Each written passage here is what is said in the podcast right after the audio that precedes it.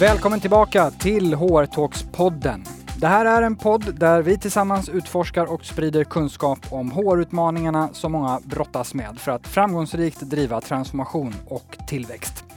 Här lyssnar du på skarpa samtal mellan mig, Tommy Kau, och olika företagsledare, HR-chefer och experter. Där vi är konkreta, öppna och går rakt på sak. Och det känns helt fantastiskt att vara tillbaka med en ny fullmatad säsong. Stort tack alla ni som lyssnat på säsong 1 och gett oss över 14 000 nedladdningar och en fantastisk feedback. Det betyder att ni är väldigt många som varje vecka lyssnar på HR-talks-podden. Vi är otroligt glada, imponerade och tacksamma över engagemanget, både i frågorna vi lyfter och i podden i stort. Så från hjärtat nu, tack till alla som gör det och extra tack till er som engagerar er, ger feedback, ställer lyssnarfrågor, prenumererar på oss och betygsätter oss och följer oss i sociala medier.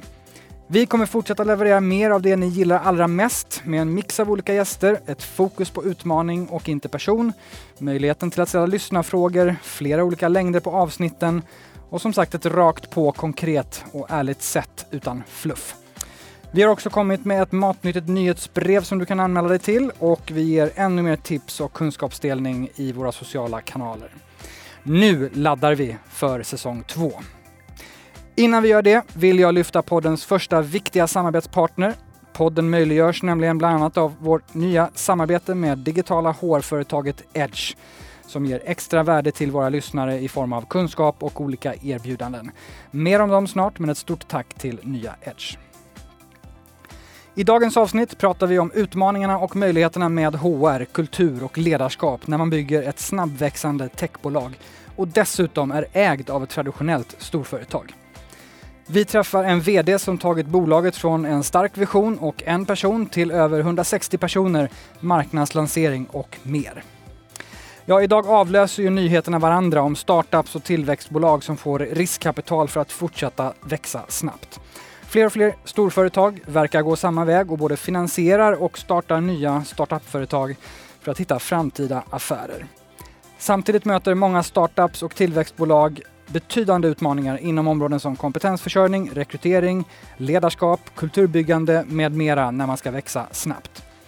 För att prata mer om detta har vi bjudit in en företagsledare och VD som är mitt uppe i detta. Hon har en lång bakgrund som kommunikations och marknadsdirektör på bolag som Folksam, Axfood och SCA.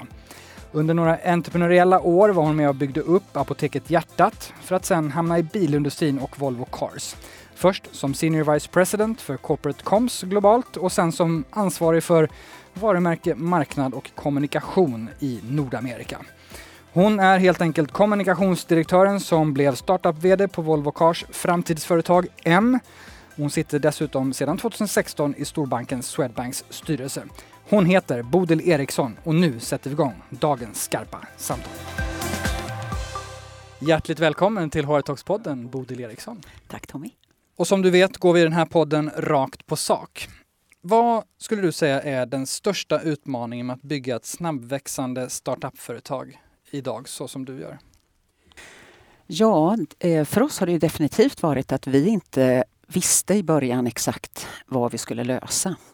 Eh, utan vi har arbetat oss fram med, stark, med en stark vision eh, och starkt purpose i eh, ryggen och sedan arbetat helt enkelt med hypoteser. Eh, och då är väldigt mycket oskrivet eh, kring egentligen allting som har med företags, eh, att driva företag att göra ganska eh, annorlunda mot hur man driver bolag i många andra sammanhang helt enkelt. Och helt eh, annorlunda mot eh, vad jag är van vid som framförallt har arbetat i etablerade stora företag. Mm. Och eh, apropå det, eh, för ett år sedan drygt så läste jag ingressen i, i DI Weekend och då stod det så här. Bodil Eriksson driver ett snabbväxande techbolag i Stockholm som ägs av Volvo Cars men har som syfte att ersätta privat bilägande i storstäderna. För de som inte känner till helt vad ni gör, vad ligger bakom den här ingressen? Volvo Cars Mobility som det heter, vad, vad är det? Eh, det är eh, vad jag brukar kalla ett seriöst affärsutvecklingsinitiativ eh, av Volvo Cars. Det drivs som ett separat dotterbolag under gruppen men är alltså helt frikopplad från kärnverksamheten. Och vi har som uppgift att eh, ta sikte på några riktigt stora trender som kommer att påverka oss som konsumenter och städer inom en 10-15 års period. Gör det redan idag ska jag säga. Och det är ju att fler och fler väljer att bo i städer. Eh, det är klimatförändringen eh, och det som händer med oss konsumenter och individer. Och sen är det ju digitalisering. Du nämnde inte ordet startup. Eh, eh, eh, ser, du det, ser, ser du bolaget som en startup eller? Det är ju svårt med sådana här buzzword. Jag tycker att eh, jag har valt att inte göra det för att eh, någonstans är ju jag en tjänsteman som har fått ett uppdrag och sen har jag fått bedriva det uppdraget eh, på många sätt likt eh, andra vad du kanske kallar startup. Men för mig är det lite, känns det lite jag, jag är inte riktigt bekväm med att gå hela vägen till att kalla det ett startup. För de som ändå, jag tänker att du har ändå fått uppgiften att bygga någonting eh, helt nytt som eh, är ett techbolag. Det är för ett stort traditionellt bolag, vare sig man kallar det startup eller affärsutvecklingsgren eller så.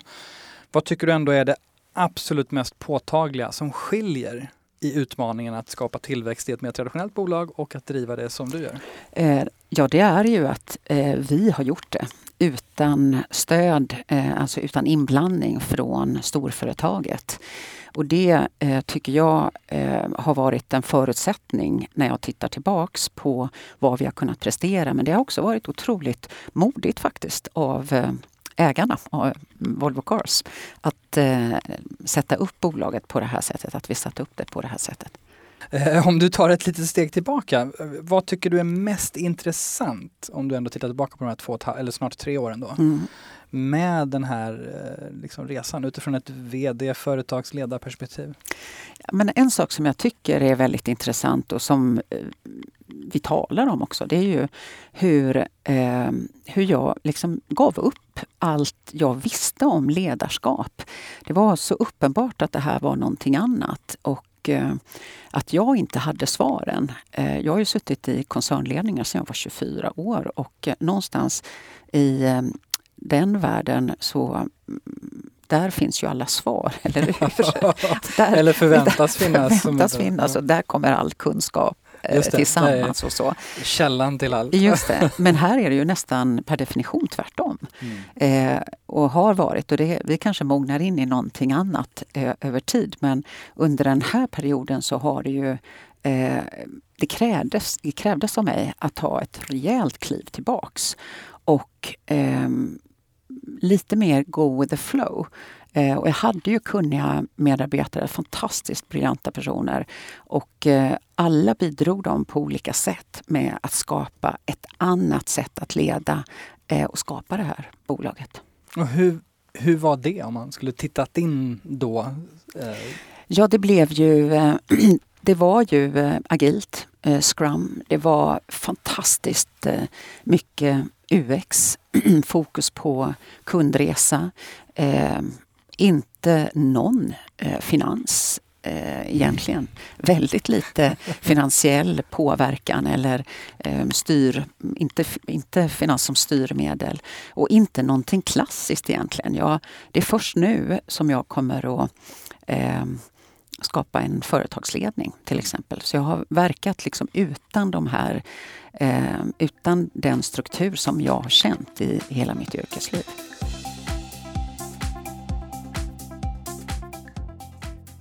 Vad har du då fått unlearna, om man kallar det så, som, som ledare? Eh, ja, väldigt mycket. Eh, väldigt mycket, framförallt just i min chefsroll. Eh, men också att eh, det vi gjorde ehm, jag tror att när vi startade var vi oerhört jämlika. Eh, den lilla gruppen som startade var oerhört jämlik i termer av ehm, att alla var väldigt erfarna och därför skapades det en, en otroligt spännande dynamik. Sen hade vi med oss några saker som vi alla trodde på. Och det var ju sådana här uttryck som disruption can't happen from within. Eh, att eh, vi, vi fanns där för att göra saker som inte var möjliga att göra i storföretaget. Och eh, jag hade varit i London på en startup eh, incubator och eh, där hade de en eh, beskrivning över alla steg man måste igenom. Eh, från liksom att lösa, vad är det vi ska lösa, till att börja exploration och sådana här saker. Den skrev jag på en, en av väggarna. Jag fick ju mycket lite utrymme ska jag tillägga. Det var post-its överallt. Men den, den ritade jag upp och intressant nog var det i början för att berätta för eh, Volvo Cars och kollegor som kom, vad är det vi gör här? Hur jobbar ni? Hur jobbar vi? Men sen har det ju blivit någonting som vi också faktiskt har levererat på exakt som jag ritade. Så det är rätt intressant. Om man, om man börjar eh, zooma lite till så att säga HR, kultur, ledarskap och så vidare. Vad tänker du har varit allra viktigast för dig som, som ändå ytterst ansvarig för det här?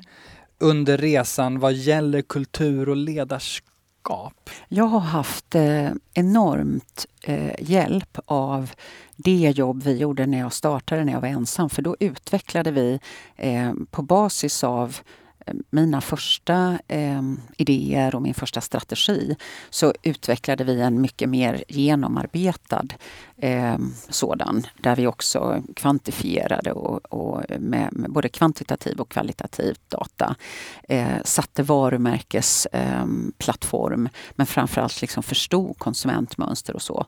Och eh, det det har ju blivit väldigt mycket mitt sätt att leda. Och i början var vi ju otroligt besjälade och talade bara om det. Vi hade så mycket workshop och diskussioner och lärde oss hela tiden av, av eh, samtal med kunder och konsumenter.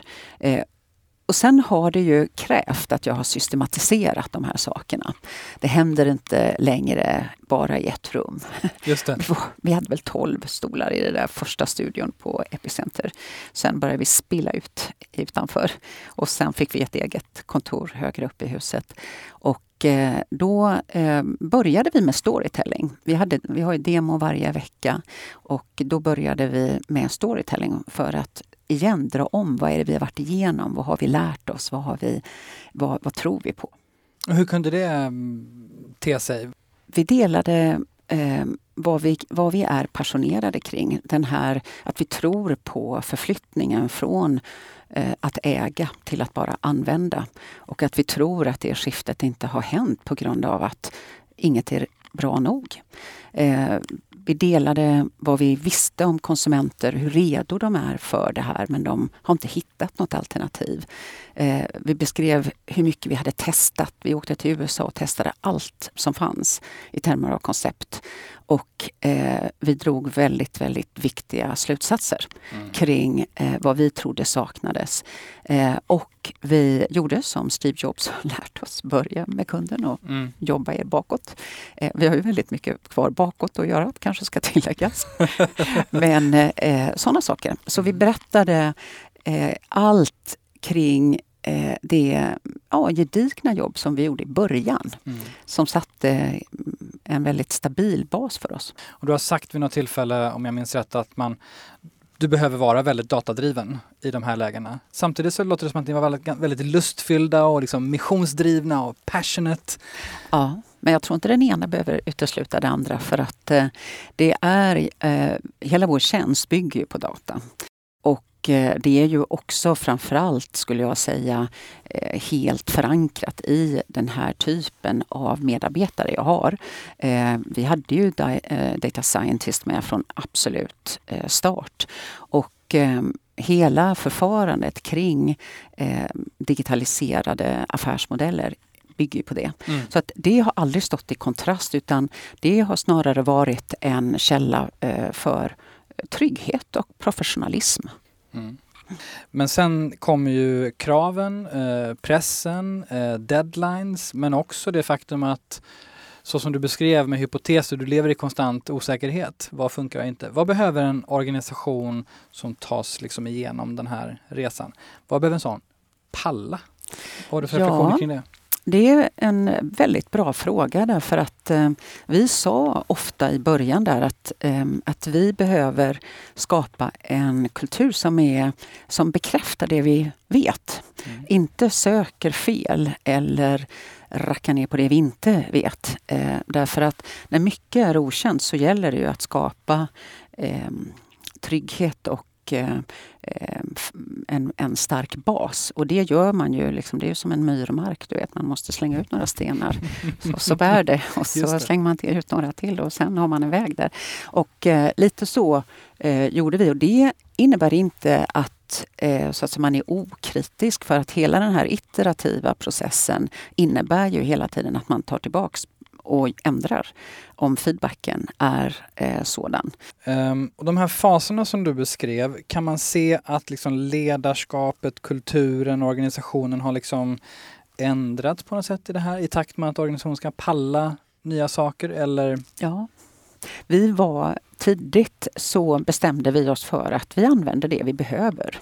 Vi lägger till eller drar ifrån. Så vi skapade en kultur som var ganska eh, så att säga, icke-emotionell kring vad vi hade skapat. Om något funkade så behöll vi det. Om någonting inte funkade, då tog vi bort det. Mm. Så att därför ändrade vi rätt mycket, rätt ofta. Och vad eh, kan det ha varit? ja, det kan ha varit sättet vi, när vi, eh, när vi började bygga vår tjänst, då eh, hade vi ju utvecklingsteamen organiserade i mission teams som jobbade väldigt, väldigt självständigt. Och och eh, hade en väldigt hög grad av, av självbestämmande. Och det funkade jättebra. Sen behövde vi börja koordinera eh, mer och mer och få ihop det här till en helhet. Och då, eh, då testade vi ja, två eh, olika metodiker eller sätt för att försöka få ihop det här till en helhet. Men när vi kände att nej men hjälper det här oss verkligen? Är inte det här nu bara väldigt eh, började, började det bli väldigt mycket administration mm, kring mm, det här. Du vet, mm. man börjar känna att det där liksom tog en liten annan väg. Då sa vi, hallå här, nu, mm. eh, det här känns inte bra. va? Eh, och sen hade vi ju då, lät vi, eh, vi har alltid låtit teamen eh, vara väldigt drivande i vad är det vi behöver eh, och försöka skapa utifrån det. Och istället för att då som en klassisk manér man bestämmer någonting från eh, toppen. Jag vill tacka vår samarbetspartner Edge. Vill du som HR-ledare eller chef göra din organisation till en av Sveriges tryggaste och schysstaste arbetsplatser? Som en del av HR-koncernen Wise Group hjälper nya Edge över 3000 kunder att förenkla och effektivisera sitt strategiska och operativa HR-arbete. Med nya Edge får du tillgång till mallar, dokument, checklister, kalkyler och svar på alla frågor inom HR. Och det bästa av allt, du kommer igång direkt online och i mobilen. Jag tycker att du ska börja förenkla din HR-vardag direkt genom att kolla in edgehr.se hrtalks. Där kan du kostnadsfritt prova på deras smarta HR-produkter.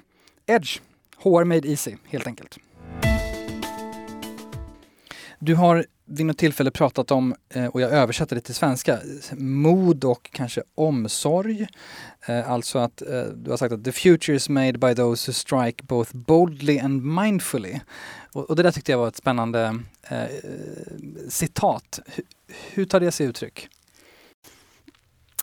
man måste ju, jag tror att självförtroende när man gör den här typen av saker och bolag projekt. Det är helt avgörande. Eh, och man måste, eh, man måste liksom ta fasta på det här, du vet, zoom out, titta framåt och ta fasta och hitta något man verkligen, verkligen tror på. Eh, och det, det menar inte jag är eh, skilt från analys eh, eller data eller så, utan det, det är där det kommer. Men jag tror att eh, för att verkligen kunna vara mindful och verkligen vara, eh, liksom slå an en sträng hos människor så måste de där komponenterna finnas. Mm. Vilka knappar tryck, har du tryckt på för att bygga självförtroende? När, återigen när det är en ganska osäker man måste göra ett antal bets och sen ja. vet man inte om det. Men jag tror att det är just att man inte går vilse i den där mellanfasen, du vet tre till fem år. Strunta i det, utan titta på... Jag blev just bekräftad i, eh, av en eh, kunnig person som föreläste om det här. Jag blev eh, bekräftad att herregud, det där är precis vad vi har gjort. Men vi tittade ju framåt eh, och de trenderna är går inte att argumentera emot. De är redan här idag och de kommer att bli kraftfullare i framtiden. Gör du det, då har du på något sätt redan en bas. Då har du redan någonting som är odiskutabelt nästan. Framtidssäkrat på ja, något sätt? Ja, precis. Eh, och relevant, för där bygger du, du, din yttersta relevans. Varför ska man investera i det här? Eh, och sen är det kortsiktigt då. Vad är det som kommer hända eh, nu? Vad är redo att hända nu? Eh, och då återigen inte lova bort sig i, det upplever jag att i den traditionella företagsvärlden, att man, man lovar bort sig så mycket i planer på två, tre, fyra, fem år. Eh, som ju någonstans alltid finns kvar i folks medvetande, eller hur? Du menar att man, man overpromise eller man tittar längre fram än vad som är realistiskt, att man ens kan förutspå? Jag menar att företag är vana vid att jobba med tre och femårsplaner. Och därför gör man en tre, års, tre till femårsplan. Medan när man ägnar sig åt den här typen av eh, företag och nya initiativ, då har man ju ingen aning. Man har absolut ingen aning. det är Så det är försöka. ju meningslöst att göra det egentligen. Mm. Um, jag tänker en annan sak som, som ju ni vittnar om väldigt tydligt är ju speed. Mm. Du har varit inne lite på det, att man plockar bort saker som inte ger värde. Om du som VD ska eh, öka speed i din organisation, vad är, vad är knapparna då som du trycker på eller har gjort? Ja, det där är ju, eh, det har varit, tycker jag, väldigt intressant därför att i början, det som i början gav oss speed har nu börjat liksom slow us down lite. Så att jag tror man måste helt enkelt vara otroligt uppmärksam på eh, vad är det i ens egen organisation som skapar speed. I en fas kan det ju faktiskt vara att vara otroligt eh, att delegera så mycket att du nästan... Väldigt autonom. Ja men precis. Eh, medan senare när du har kommit och nått en viss eh, eh komplexitet så eh, är det kontraproduktivt. Så att eh, speed tycker jag alltid handlar om tydlighet. Mm. Eh, och jag är ju en stor vän av empowerment. Alltså jag, jag har ju några uttryck då som jag har haft under min eh, karriär och eh, några är att det är en mänsklig rättighet att få vara brainy på jobbet. en mänsklig, det är en mänsklig rättighet att få vara brainy på jobbet. Ja, det får du utveckla. Jag tycker att man jobbar mycket så att man måste få eh, vara smart och upp eh, utforska och skapa, eh, kreera och komma med, med bra och då krävs det några saker. Då krävs det dels att du har den här tydligheten i, i strategi och varumärke så att man har så att eh, vi springer åt, åt samma håll. Eh, och sen eh, har jag ett annat uttryck som är strategic by the minute och det är ju att ingen kan ju liksom eh, låsa in sig och vara strategisk någon dag utan här gäller det ju att verkligen förstå att varje beslut vi fattar har en strategisk tyngd och en påverkan på vår eh, dit vi vill komma. Och då eh, måste man ju fråga sig, hur gör vi då för att folk ska vara och kunna vara strategic by the minute? Och eh, här menar jag att det handlar om att man verkligen eh, talar om sin affär och mm. förankrar den. Eh, och allt det som är viktigt för att fatta kloka beslut. Om vi glider in lite mer och pratar konkret om, om HR Eh, och HR-utmaningar och så. Vad tänker du att den här resan som ni har gjort och är på från ditt perspektiv som VD, eh, vad, vad, vad, ställer det för krav på HR? Eh, jag tror att vi var ganska fokuserade på att klara av tillväxten, alltså att klara av att rekrytera. Men vi var mycket, mycket mindre förberedda på växtverken. Eh, och vi drevs liksom av en sån entusiasm eh, och vi klarade så otroligt mycket så vi bara körde på. Men eh, sen hade vi lite eh, uppvaknande skulle jag nästan säga. Jag hade, eh, jag hade 90 eh, minuters samtal med alla i företaget i grupper om 10. Och, eh, och fick otroligt fin feedback. Och vi pratade just om de här olika faserna med exploration och product readiness och in till commercialization och hur man upplevde dem. Och då förstod jag verkligen att herregud, Alltså här, här har vi rejäl växtverk. det finns några stenar att lyfta på. ja, verkligen. Ja. Eh, och, eh, och det hade inte vi planerat för. Vi hade inte planerat för det. Eh, och, eh, och då kan man säga ehm, Allting blir ju tydligt när man tittar i backspegeln vad man skulle göra. Och samtidigt så är jag inte säker på att vi hade kunnat hitta på eller förstå allt vad vi borde ha gjort. Um, så att uh, jag kan konstatera att växa från på, under ett år från 18 till 95, det var uh, det, det, det, tog mm. lite kraft helt enkelt.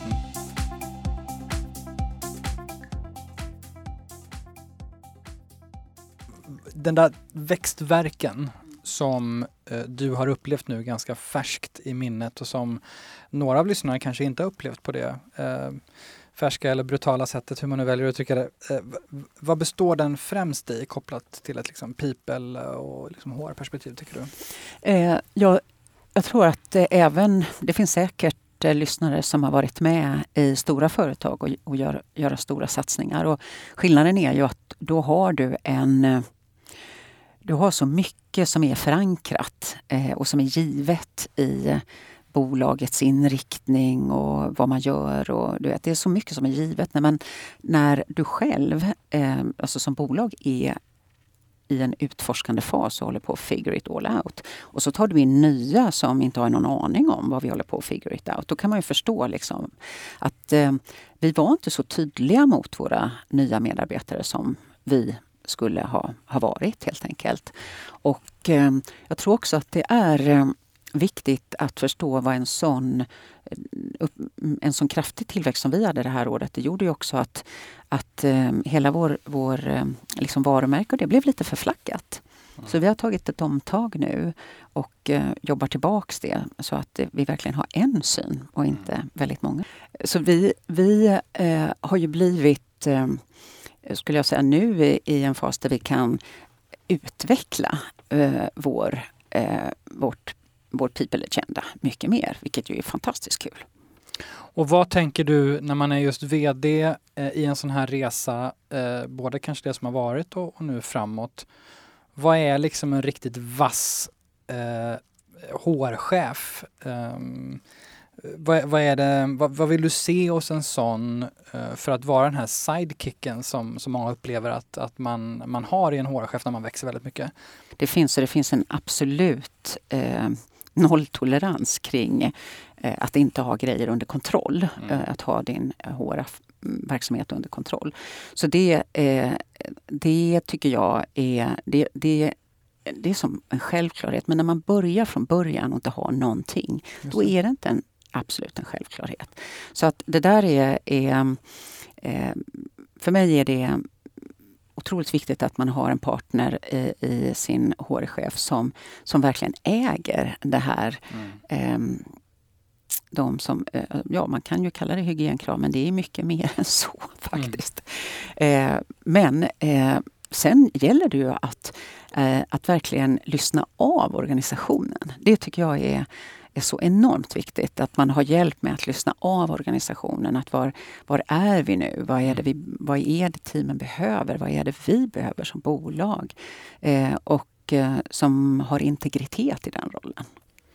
När vi pratade innan här också så, så pratade du om den här harmonin mellan HR och affären som blir så, den blir så oerhört påtaglig i den fasen som ni har varit i. När man, liksom, mm. man, man liksom bygger affären från scratch. Mm. Vad, vill du utveckla lite vad du tänker, liksom, harmoni mellan HR och affären? Ja, jag tror att det, eh, det var flera bottnar i det där. En, en är ju mot eh, mot medarbetarna, mot team members, liksom att man har förtroende för HR, att det är en funktion som man kan gå till. Mm. Och, ehm, och det kräver en eh, skill och ett, eh, ett, ett väldigt, för mig är det otroligt viktigt att, att det finns det förtroendet.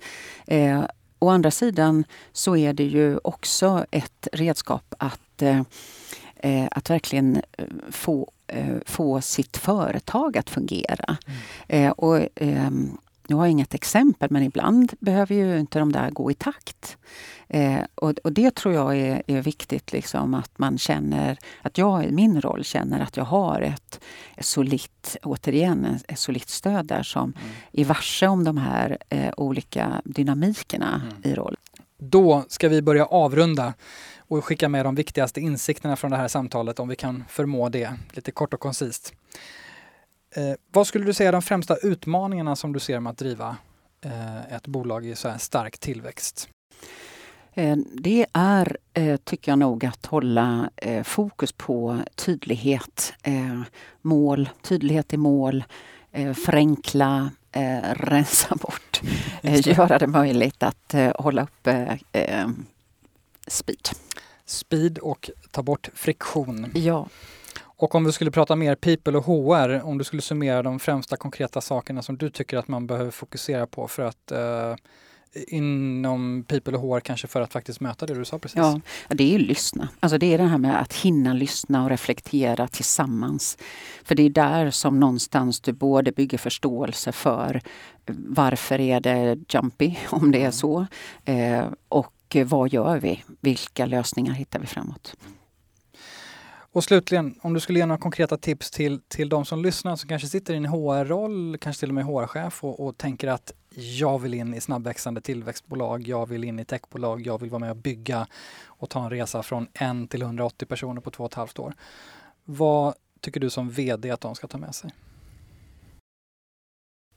Mm, kanske ta med sig eh, hur och fundera kring hur får jag till dialogen mellan mig och eh, alla medarbetare. Mm. Hur eh, fångar vi var friktionen ligger och hur eh, skapar vi eh, snabba lösningar? Stort tack Bodil Eriksson för att du ville vara med oss i HR-talks-podden. Det har varit ett sant nöje. Tack Tommy. Det var ännu ett skarpt samtal i HR-talks-podden. Stort tack till dig som lyssnat och vill du höra svar på fler av veckans lyssnarfrågor ska du kolla in bonusavsnittet med dagens gäst. Gillar du podden så prenumerera gärna på den i Apple Podcast eller Spotify och följ oss gärna på Håretalkspodden på Instagram och LinkedIn. Stort tack även till vår samarbetspartner, digitala HR-företaget Edge, som är med och möjliggör att vi kan utforska och sprida kunskap via den här podden. Hårtalkspodden ges ut av Cow Company, produceras av Media Mera och du hittar all info på hårtalks.se. Nästa vecka kommer ett nytt färskt avsnitt. Tills dess, ha det bra!